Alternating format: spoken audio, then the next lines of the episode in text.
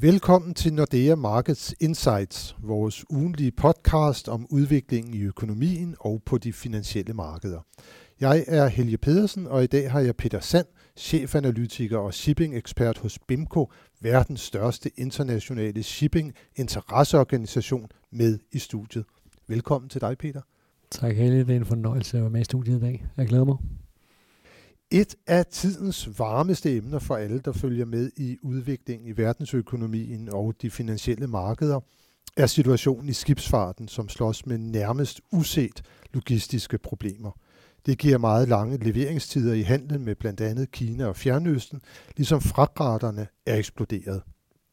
Dermed er skibsfarten med et blevet et kardinalpunkt i det enorme prispres, som for tiden rammer blandt andet de danske producenter – og Peter, du er ekspert på shippingområdet. Kan du ikke prøve at forklare os, hvad det egentlig er, som der lige foregår for tiden? Det vil jeg meget gerne, fordi det har vel næppe været mere spændende, hvad der foregår på de internationale shippingmarkeder i dag, og det er uanset, hvor man kigger hen.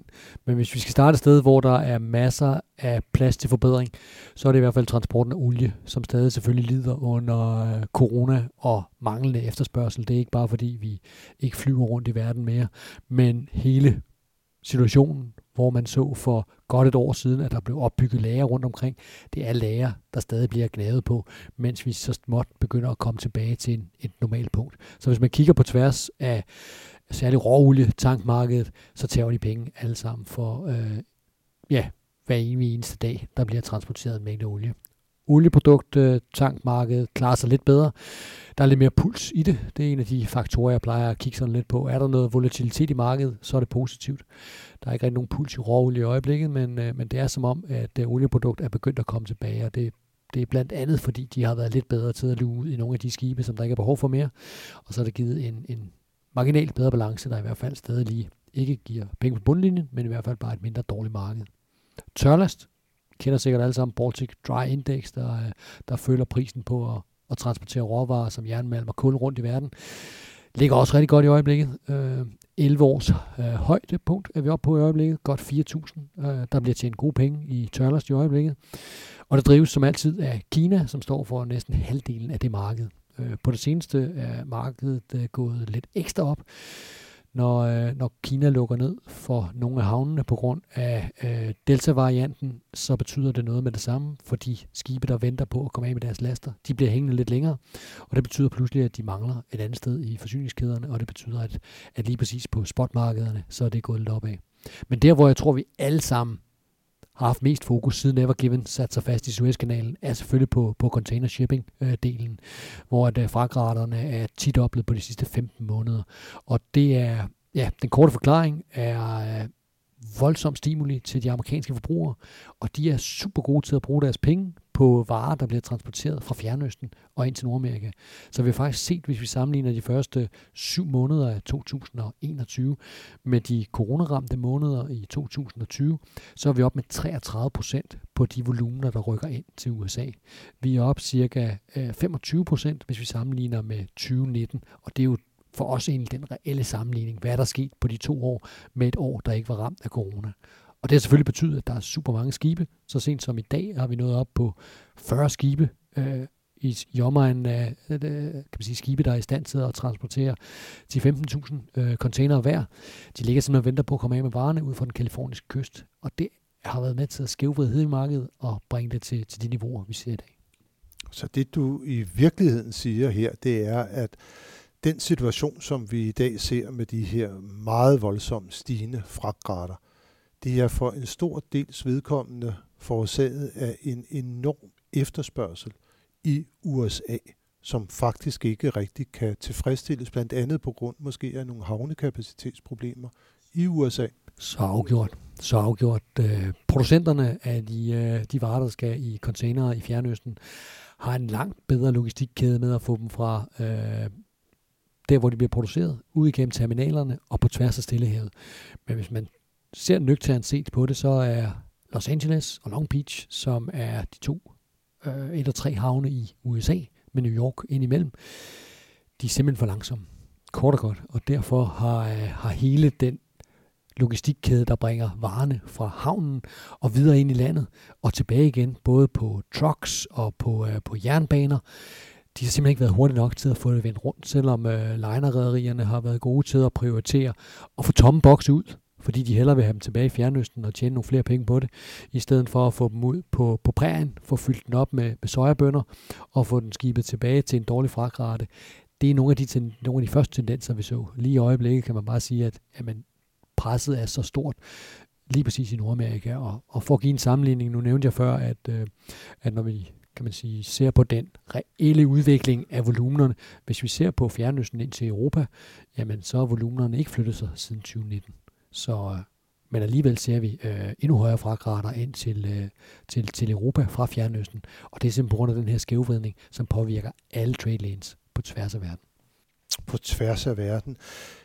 Noget af det, som øh, vi også øh, har hørt meget om, det er de problemer, der måtte ligge i Kina for tiden, hvor at øh, nye udbrud af Delta-varianten, det har betydet, at der har været havne, som der har været mere eller mindre sat ud af spil. Og Kina er jo verdens største udskibningsland. Øh, hvor, hvor, hvor, hvor stor betydning har det for prisdannelsen, og øh, hvad er det for en politik, som, som Kina i virkeligheden fører for tiden? For Kina er jo kendt som et meget sådan handelsorienteret samfund, men øh, for tiden virker det som om, at øh, frygten for pandemien, den simpelthen overstiger behovet for, at der rent faktisk øh, foregår noget i havnene.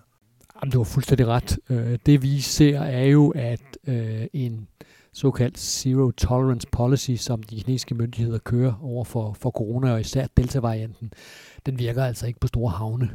Øh, og hvis det her var strømafbrydelser, så vil man jo sige, at de forskellige havne havde rolling blackouts, øh, og, og det betyder selvfølgelig noget for alle de skibe, der til daglig både kalder øh, Kina med varer ind, men også varer ud.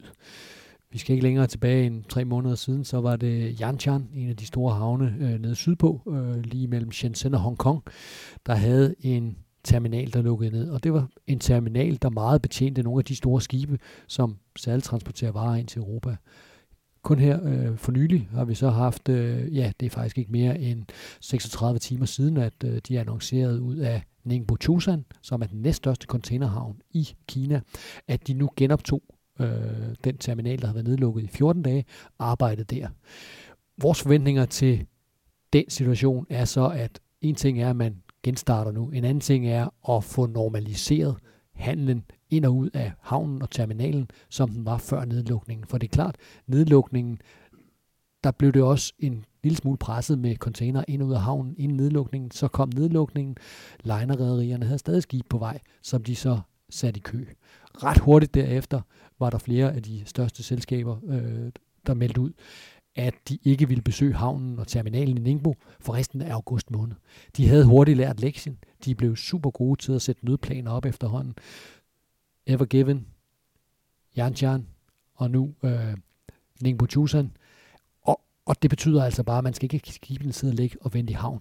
Men for den enkelte modtager af varer, kan det jo sagtens betyde, at hvis de varer, Helge, du skulle have hjem, de endte med at stå på den terminal i Ningbo, og verdensrederier undgik den havn i ikke bare 14 dage, 3 uger, men en måned, to måneder, jamen så er det klart, at du kommer til at mangle dine varer på hylderne herhjemme. Og det begynder at være noget, vi kan se som private forbrugere, og ikke kun i det hele den underskov af virksomheder, som importerer både her i Danmark, øh, men også rundt omkring i Europa og, og Afrika for den sags skyld, som i den grad føler sig snydt for kapacitet. Mm. Og så var det, at jeg måske, hvis jeg manglede min vare, ville begynde at kigge mig om efter alternativer. Vi hører om, at øh, der er nogen, der får fragtet varer fra Kina til blandt andet Danmark nu, både med jernbane og med lastvogne. Øh, hvor længe tror du, at den her situation med alternativ transport, den, øh, den skal finde sted? Altså personligt elsker jeg jo de historier, fordi det viser også, hvordan transportindustrien arbejder for deres kunder. Altså hvis varerne skal hjem, så finder de på veje. Man skal så bare huske på, at hvis man sender en, øh, en stang jernbane afsted, så kan der stå 42 containere ombord på sådan en det er ikke super mange, når man til sammenligning kører 10.000 containere afsted på nogle af de store skibe gangen. Men det viser noget om, hvad det er for en type varer, der måske bliver sendt afsted. De varer, du vil kunne se nede på hylderne nu, i stedet for dem, du måske kigger efter, er et øh, fjernsyn til 8.000 kroner, i stedet for et fjernsyn til 2.000 kroner. For det kan ikke længere betale sig at transportere det hjem.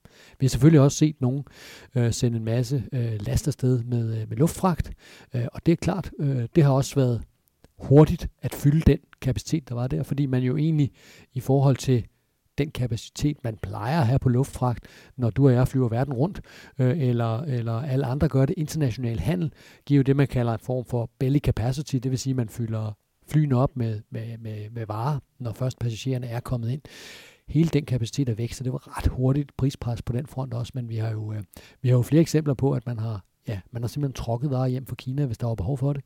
Man har også sat øh, for nyligt øh, en øh, ikke permanent rute op, men man har i hvert fald gjort den, øh, gjort den mulig for kunderne, at man simpelthen trokker eller tager på øh, jernbanen varer fra det centrale Kina til Kaliningrad i Rusland.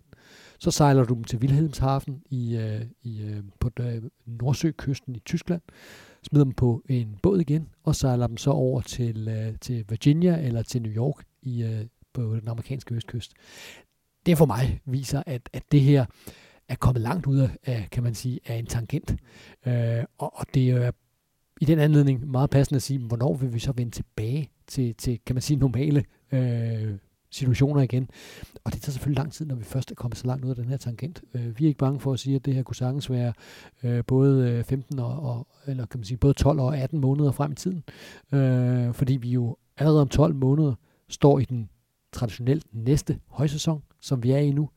Og det vil næppe give noget øh, nedgående prispres på, på fragtrater, når vi når den tid. Men fordi at kæderne på forsyningen er blevet så presset, og man er gået ud i så mange ekstremer, så inden man begynder at rulle alt det tilbage, og at trykket for efterspørgselen begynder at tage af, jamen der går lang tid. Så 12 til 18 måneder er dit øh, bedste bud lige nu på, hvor lang tid det vil tage at få normaliseret situationen på containermarkedet. Øh, det må man sige. Det er en global situation, der er skævvredet på mange måder og involveret meget mere end kun sødelen af det. Så 12-18 måneder. Lad os se, hvad der sker. Men i denne her situation, hvor der er så meget tryk på efterspørgselen, må det også være uhyre fristende at investere i mere kapacitet på verdenshavene. Hvordan øh, ser, ser det ud øh, for tiden?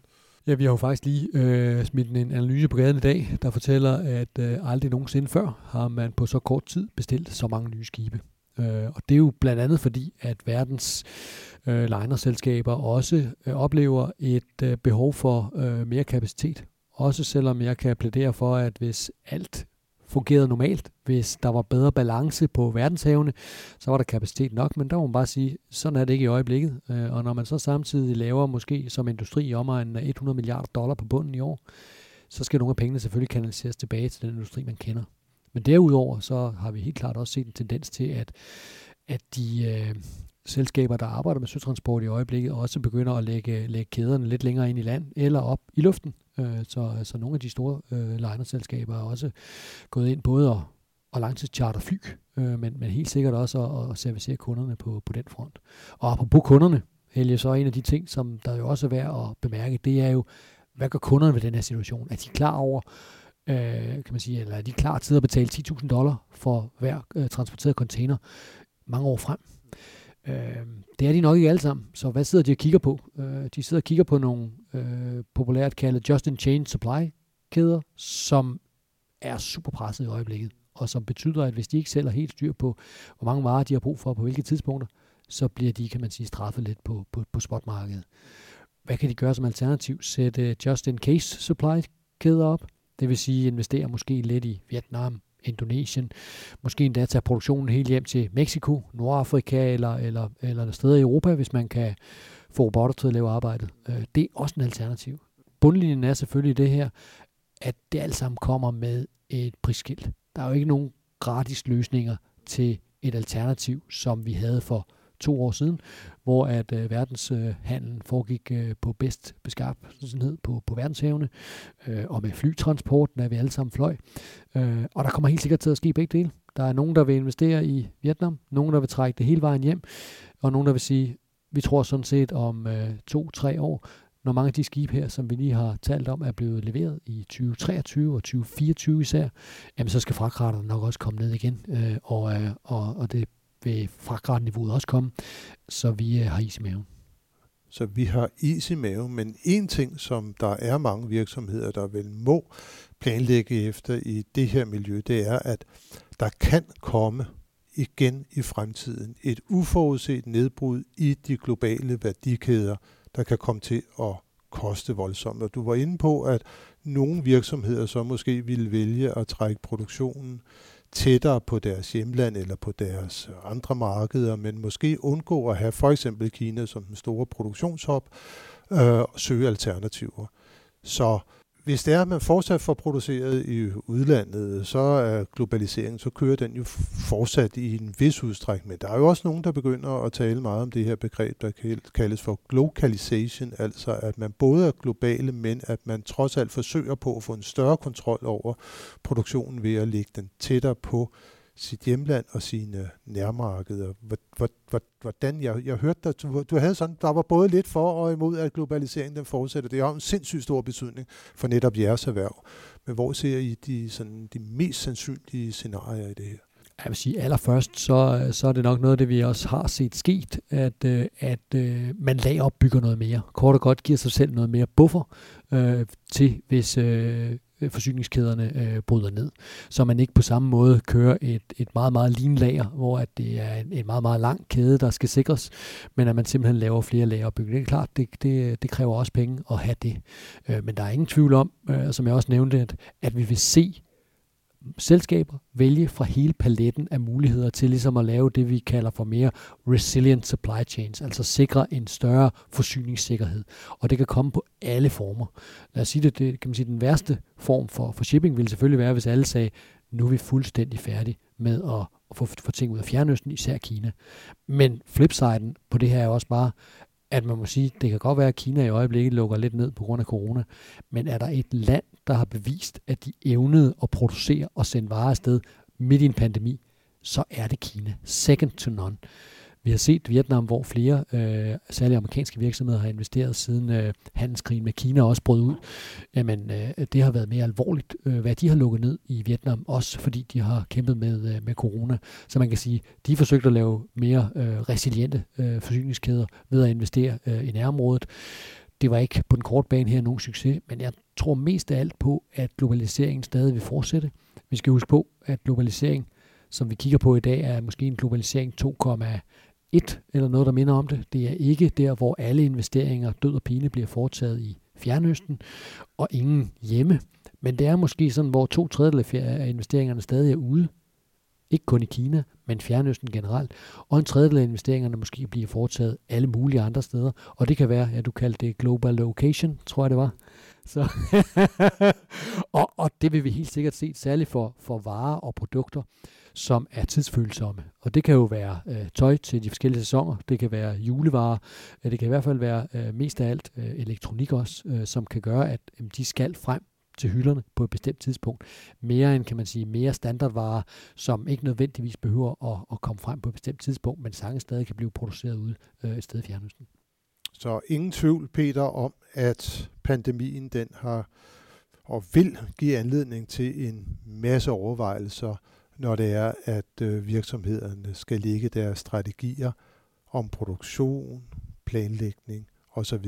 over de kommende år. Det er alle de store spørgsmål, der er op at vende i alle bestyrelseslokaler i øjeblikket, så det er som altid super spændende. Det er super spændende. Nu her til allersidst skal vi i ugens podcast som altid vende blikket mod, hvad der sker i næste uge af betydning for de finansielle markeder. Der kommer faktisk en række interessante økonomiske nøgletal. Vi får blandt andet det vigtige øh, tal for udviklingen i forbrugerpriserne i euroområdet. Det bliver offentliggjort på tirsdag. Det er også på tirsdag, hvor vi får øh, de første mere detaljerede oplysninger om, hvordan det gik i dansk økonomi i andet kvartal. Så får vi fra USA to vigtige, meget vigtige økonomiske nøgletal. Øh, på onsdag kommer ISM-tallet, altså udviklingen i fremstillingssektoren i USA, og så på fredag kommer som altid. Den første fredag i måneden kommer arbejdsmarkedsrapporten, hvor vi skal virkelig få noget at vide om, hvordan øh, udviklingen det er på det amerikanske arbejdsmarked, om jobskabelsen fortsat er lige så stor, som den har været over de seneste par måneder. Og endelig vil jeg da også lige flage, at øh, vi i Nordea kommer med vores nye økonomiske prognose også på onsdag, der som altid både omfatter øh, prognose for væksten i verdensøkonomien og ikke mindst i de fire nordiske lande. Så det er en uge med mange interessante nøgletal for de finansielle markeder. Men Peter, tusind tak, øh, fordi at du ville deltage i denne uges podcast. Det har været en stor fornøjelse og meget berigende at have dig med i studiet. Selv tak, Helge. Jeg nød det også. Jeg håber, I alle sammen fik noget ud af det derude. Tak skal I have. Tusind tak, Peter, og også tusind tak til alle jer, som der netop har lyttet med. Det håber vi også, at I vil gøre, når vi er tilbage med nyt fra de finansielle markeder i næste uge. thank you